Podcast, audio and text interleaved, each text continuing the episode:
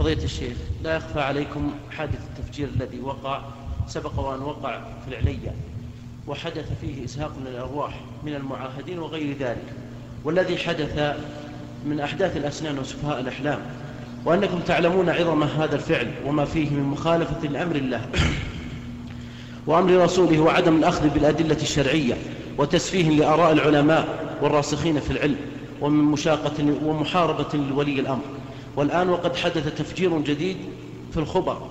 فهل من كلمة لتبين دين الله تعالى في ذلك والتحذير من هذا المنزلق الخطير الذي سلكه فئة من الشباب وهم قلة ولله الحمد وهم مستمد من فعل الخوارج وهم قد لا يعلمون أنهم يفعلون ذلك وأن فعلهم فعل الخوارج فهل من دين فهل من تبيين لدين الله سبحانه وتعالى؟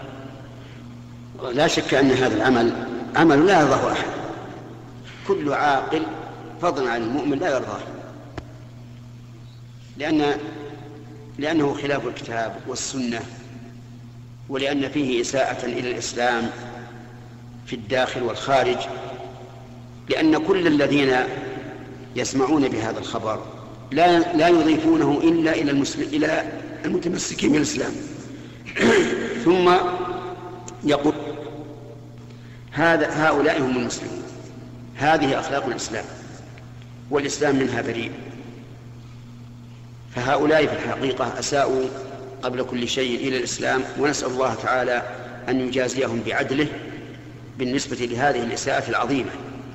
ثانيا أنهم أساءوا إلى إخوة لهم من الملتزمين لأنه إذا تصور تصور الناس حتى المسلمون إذا تصوروا أن هذا يقع ممن يدعي أنه مسلم وأنه يغار الإسلام فسوف يكره يكره من هذه أخلاقه وسوف يظن أن هذه أخلاق كل أن هذه أخلاق كل ملتزم. ومن المعلوم أن هذا لا يمثل أحدا من من الملتزمين إطلاقا لأن الملتزم حقيقة هو الذي يلتزم بكتاب الله وسنة رسوله عليه الصلاة والسلام. ولا يخفى علينا جميعا أن الله تعالى أمر بوفاء العهود وأمر بوفاء العقود وقال إن العهد كان مسؤولا. ولا يخفى علينا أن الرسول عليه الصلاة والسلام قال من قتل معاهدا لم يرح رائحة الجنة. ولا يخفى علينا أيضا أنه قال عليه الصلاة والسلام ذمة المسلمين واحدة يسعى بها أدناهم فمن خفر أخفر مسلما فعليه لعنة الله والملائكة والناس أجمعين. ولا يخفى علينا أن الائتمان أو التأمين والإجارة يكون حتى من واحد من المسلمين وإن لم يكن ولي أمر. حتى إن ولو كان امرأة قال النبي صلى الله عليه وسلم قد أجرنا من أجرت يا أم هانئ. فكيف إذا كانت إذا كان هذا الأمان من من ولاة الأمور؟ فهذه هو عين المحادة لله ورسوله وعين المشاقة لله ورسوله. ثالثا لو قدرنا على أسوأ تقدير أن الدولة التي ينتمي إليها هؤلاء الذين قتلوا دولة معادية للإسلام. فما ذنب هؤلاء؟ هؤلاء الذين جاءوا بأمر حكومتهم ولم يأتوا قد قد يكون بعضهم جاء عن كره ولا يريد ولا يريد الاعتداء.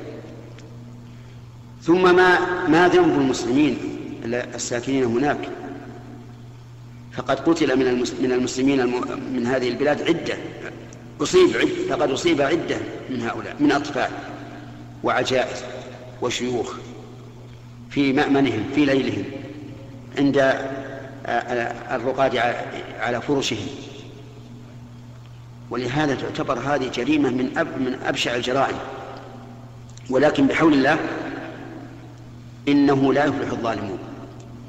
سوف يعثر عليهم إن شاء الله ويأخذون جزاءهم لكن الواجب على طلاب العلم أن يبينوا أن هذا المنهج منهج خبيث. منهج الخوارج الذين استباحوا دماء المسلمين وكفوا عن دماء المشركين. وأن هؤلاء إما جاهلون وإما سفهاء وإما حاقدون. فهم جاهلون لأنهم لا يعرفون الشرع. الشرع يأمر بالوفاء بالعهد. وأوفى دين في العهد هو دين الإسلام والحمد لله. هم سفهاء أيضا لأنه سيترتب على هذه الحادثة من المفاسد ما لا يعلمه إلا الله عز وجل. يعني ليست هذه وسيلة, وسيلة إصلاح حتى يقولوا إنما نحن مصلحون بل هم المفسدون في الواقع. أو حاقدون على هذه البلاد وأهلها. لأننا لا نعلم والحمد لله بلادا تنفذ من الإسلام مثل ما ينفذه ما تنفذه تنفذ هذه البلاد. الآن البلاد الإسلامية أليس فيها القبور تعبد من دون الله؟ أليس فيها وجه الدعارة؟ أليس فيها الزنا؟ أليس فيها اللواط؟ أليس فيها الخمر؟ علنا في الأسواق. أليس حكامها يصرحون بأنهم يحكمون بقوانين لا بالكتاب والسنة؟ فماذا يريدون؟ ماذا يريدون من من من من, من, من فعلهم هذا؟ أيريدون إصلاح؟ والله ما هم بمصلحين. إنهم لمفسدون. ولكن علينا أن أن نعرف كيف يذهب الطيش والغيرة التي هي غبرة وليست غيرة إلى هذا الحد ولا شك أن هذا إساءة أيضا في المرتبة الرابعة والخامسة إلى هذه البلاد وأهلها وتأمين وترويع الآمنين. كل إنسان يتعجب كيف يقع هذا في هذا في هذا البلد الأمين.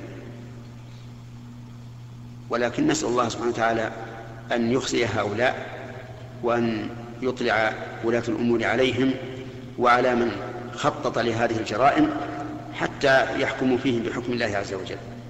نعم.